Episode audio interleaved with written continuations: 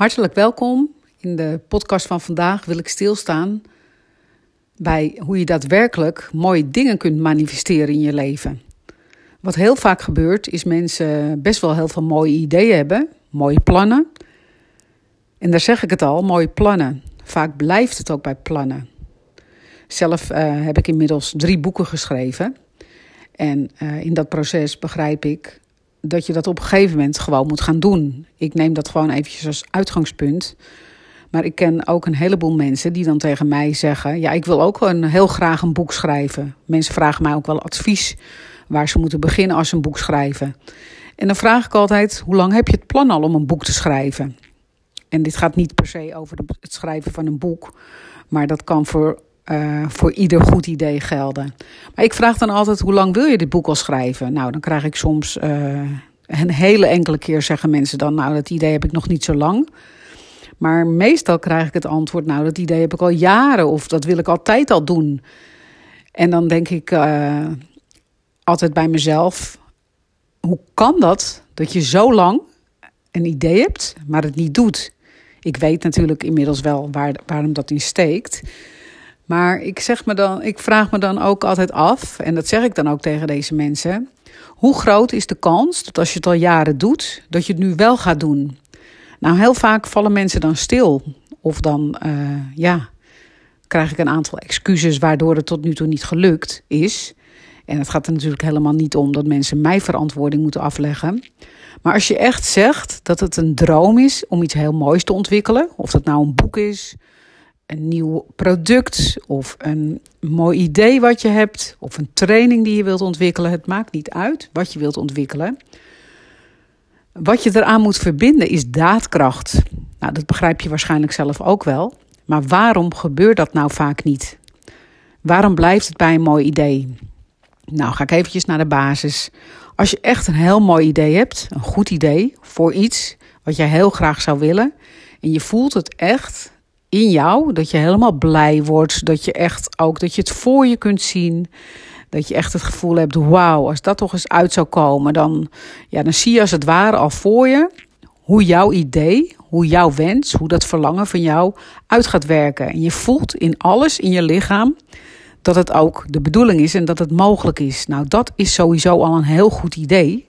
Want dan heb je het uh, de kans is dan heel groot dat het echt een, uit je hart komt en dat het ook ja, een stukje vanuit je ziel komt. En dat het ook bedoeld is dat jij dit gaat ontwikkelen, dat idee uit gaat werken. Het universum, hè, dat is de bron van leven, die communiceert via ons. Dus die legt een zaadje in je hart en die zorgt er ook voor dat jij dat gaat voelen. Nou, dat is al een hele mooie uitgangssituatie. Als jij echt voelt, dit is meant to be, dan is het ook zo.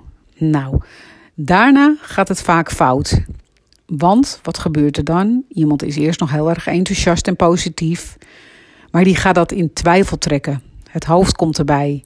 Dus het hoofd gaat zeggen: um, Ja, maar ja, je kan dat nou wel zo graag willen, maar hoe ga je dat doen?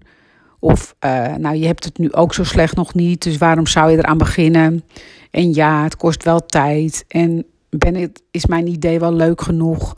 En kunnen anderen dat niet beter? Nou, dat is de energie van twijfel. Daarmee ga je jezelf downgraden. je gaat dus naar andere mensen opkijken. En eigenlijk ga je allemaal excuses naar voren brengen. Waarom jouw idee, waarom dat verlangen, waarom die wens niet uitgebracht mag worden. Nou, eigenlijk uh, gaat het bij de meeste mensen daar al fout. En dan uh, denken ze de dag daarna nog eventjes aan. En daarna gaan ze gewoon weer verder met, waar, ja, met de alledaagse dingen waar ze mee bezig waren. Helemaal niks mis mee. Maar wat nou als het echt mental be is dat jij dat idee wel naar buiten gaat brengen? Nou, heel vaak zal het dan in dat geval aan je blijven knagen. Je blijft steeds voelen van hé, hey, dit was zo mooi en ik wilde het zo graag en ik heb het niet gedaan. En dat is ook een onprettig gevoel. Nou, hoe kan je dat nou voorkomen? Je moet gewoon goed begrijpen wat ik net al zei. Het universum communiceert via ons door ons in ons hart uh, te laten voelen dat we iets mogen gaan creëren. Dat wij in, in dit geval dat jij de aangewezen persoon bent om dat te doen. Dus dan op dat moment ben je in verbinding met je hart. Nou, dan is het vervolgens heel goed dat je je hoofd er wel bij gaat betrekken, maar dan niet op een negatieve manier. Dus als je steeds een patroon merkt in jezelf, dat je steeds jezelf gaat downgraden, dan heb je iets te doen aan je zelfvertrouwen. Dan heb je iets te doen aan het stuk zichtbaarheid. Want daar heeft het heel vaak mee te maken. Dat je niet je hoofd boven het maaiveld wilt uitsteken. Want je bent dan bang dat je afgaat. Of uh, nou, dat het inderdaad niet goed of leuk genoeg is. Nergens op gebaseerd. In zoverre is gebaseerd op een oud geloofssysteem. Wat in jezelf uh, nog aanwezig is. Dus het is ontzettend belangrijk dat je op een positieve manier je hoofd erbij gaat uh, betrekken. En je hoofd kan hele goede vragen stellen en dat is ook belangrijk. Je hoofd kan bijvoorbeeld vragen: wat heb je hiervoor nodig om dit mogelijk te maken? Wie zou jou daarbij kunnen helpen als dat al nodig is? En wat is nu de volgende stap? En wat zijn de vervolgstappen? Nou, dat zijn hele mooie, zinvolle vragen van je hoofd. Die mag je erbij betrekken. Nou, dan heb je een idee in je hart gevoeld. Je hebt je hoofd op een positieve manier erbij betrokken. Nou, dan is het nog de bedoeling dat je handen erbij gaat betrekken. En je handen staan voor de daadkracht. Je, je hart staat voor het verlangen, voor de wens, voor, de, voor, het, uh, voor je zielsmissie. Het hoofd staat voor het plan wat je erbij mag maken. Want uh, als je helemaal geen plan hebt, dan weet je ook nooit of je op schema ligt. En dan weet je ook niet waar je naartoe gaat. Je mag wel in het moment nieuwe beslissingen nemen, nieuwe stappen zetten. Maar het is wel een beetje belangrijk dat je op een doel af kan koersen. Nou, vervolgens je handen staan voor uh, de daadkracht. Dus dan mag je actie gaan ondernemen. Dan kan het zijn dat inmiddels je hoofd weer in twijfel energie naar voren komt. Dus je hoofd gaat dan weer zeggen: ja, maar nou moet ik er tijd in steken en dan moet ik weer keuzes maken, moet ik andere dingen laten leggen. Uh, nou, dat is weer een uitdagende situatie. Dat is ook wat je noemt een soort trigger. Maar blijf positief vanuit het hoofd en dan ga je je handen erbij betrekken.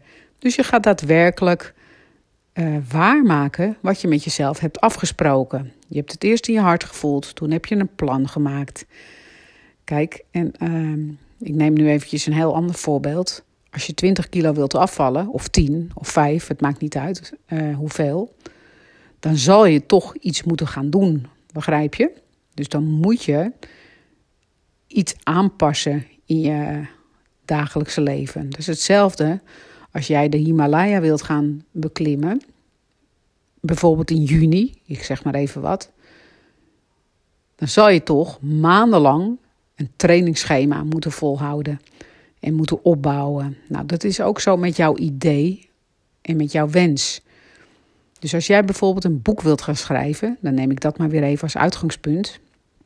En uh, nou, wat ik vaak met de afgelopen drie boeken heb gedaan, vind ik het heel fijn om dat in november uit te brengen. Vlak voor, voor Sinterklaas, vlak voor de kerst. Dus ik heb altijd als een doel: het moet in november uitkomen. Nou, dan uh, kan ik een beetje inschatten hoe dik ik dat boek wil maken. En dan moet ik ruimte creëren in mijn agenda om dat boek te schrijven. Dus ik plan dan altijd een schrijfhuis voor mezelf in. Dat doe ik dan een paar keer per jaar. Dan ga ik in afzondering zitten schrijven. Dus dat is de daadkracht. De handen zijn op dat moment symbolisch. Maar ik ga dus actie ondernemen om daadwerkelijk dat boek te schrijven. Dus ik ga aan de slag. Ik zorg dat ik alle hulpmiddelen daarvoor heb. In mijn geval schrijfboekjes, pennen. Maar ook uiteraard een laptop om dingen uit te typen. En ik ga in mijn geval schrijfhuisjes boeken. En op het moment dat het geboekt is, dan ga ik daar naartoe. En dan ga ik daar ja, werken aan mijn plan. Dus dat is wat je handen doen. Dus op dat moment zijn je hoofd, je hart en je handen met elkaar in verbinding. En dat is het allerbelangrijkste met het uitwerken van een mooi nieuw idee. Dat je niet jezelf gaat downgraden. Daar begint het echt mee. Op het moment dat jij voelt dat iets bedoeld is om via jou naar buiten te komen, dan heb je ook de verantwoording te nemen. leiderschap te nemen over het feit dat dat idee ook naar buiten komt. En jij kunt heel goed het onderscheid maken of dat een bevlieging is of dat het echt van, van binnenuit voelt dat het zo bedoeld is.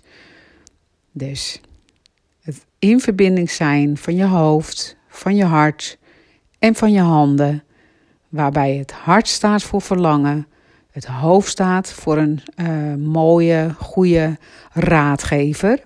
je gaat niet met je ego in gesprek over twijfel en dat jij niet goed genoeg bent. Als je dat nog steeds wel hebt, ga je daarin werken. Ga je werken aan je zichtbaarheid. En vervolgens ga je je daadkracht vanuit je symbolisch gezien je handen toepassen. Nou, dan komt daar een mooie drie-eenheid. Eenheid. Ja, dan kan het niet anders dan dat jij afstevend op een hele mooie manifestatie. En dat is eigenlijk het hele uitgangspunt bij het op een succesvolle manier jouw wens, jouw verlangen om te zetten in een prachtige manifestatie. En dat is wat ik heel graag met jullie wilde delen. En ik hoop echt, dat is echt mijn wens, dat jij, als jij voelt dat het echt zo bedoeld is dat jij iets moois gaat ontwikkelen, dat jij iets moois gaat doen, wat het ook is, doe het dan ook. Want het universum is ontzettend intelligent. Dat is zo, zo ontzettend intelligent. Dat kunnen wij mensen met ons gewone gezonde verstand niet begrijpen. Maar als het universum een wens in jouw hart heeft geplant, dan voel je dat aan alles en dan kan je daar niet omheen. En het allerbelangrijkste is dat jij steeds in waarheid leeft met jezelf. En het universum leeft door jou heen. Dus pak die kans, grijp die gelegenheid aan en maak het verschil. Maak het verschil in jouw leven. En in de meeste gevallen maak je daarmee ook een heel mooi verschil in het leven van anderen. Dus ik wens je daarbij ja, vooral heel veel plezier. Want wat je ook doet, het allerbelangrijkste succeselement is vreugde. Vreugde, als je vreugde voelt, weet je dat het goed is. Dan weet je dat je goed zit. Nog ongeacht van het resultaat van jouw manifestatie. Op het moment dat je bij het hele ontwikkelproces vreugde ervaart. Ja, dan ben je gewoon een magneet voor andere mensen. Dan ben je prettig gezelschap. Dan ben je inspirerend. Dan zijn je kinderen, als je die, die hebt, blij dat hun vader of hun moeder blij is. Uh, ja, je straalt daarmee uit dat je gewoon dat je ertoe doet. Dat je jezelf belangrijk genoeg vindt om datgene wat je in je hart voelt ook naar buiten te brengen. En dat hebben we in deze tijd zo verschrikkelijk hard nodig, altijd al. Maar als iets ons de afgelopen jaar duidelijk is geworden, is dat we leiders nodig hebben. Mensen die met vreugde en passie en bezieling gewoon iedere dag weer opstaan en de wereld gewoon met hun, met hun mooie vonk gewoon een stukje lichter en mooier maken. Hè? Laten we het niet nog groter maken dan dat, maar dat is al zo ontzettend waardevol. Dus als je deze podcast uh, tot zover bent gekomen, daag ik je ook echt uit om datgene te doen wat jij in je hart voelt. Want uh, nou, we hebben mensen zoals jij nodig. En je doet het toe. Dat deed je altijd al, maar je kan het nu nog maar eens een keer extra bevestigd krijgen. Dus hoofd, hart en handen in verbinding met elkaar en ervoor gaan. Nou, ik ben onwijs benieuwd. Ik wens je in ieder geval nog een hele mooie, vreugdevolle dag toe. Groetjes. Doei doei.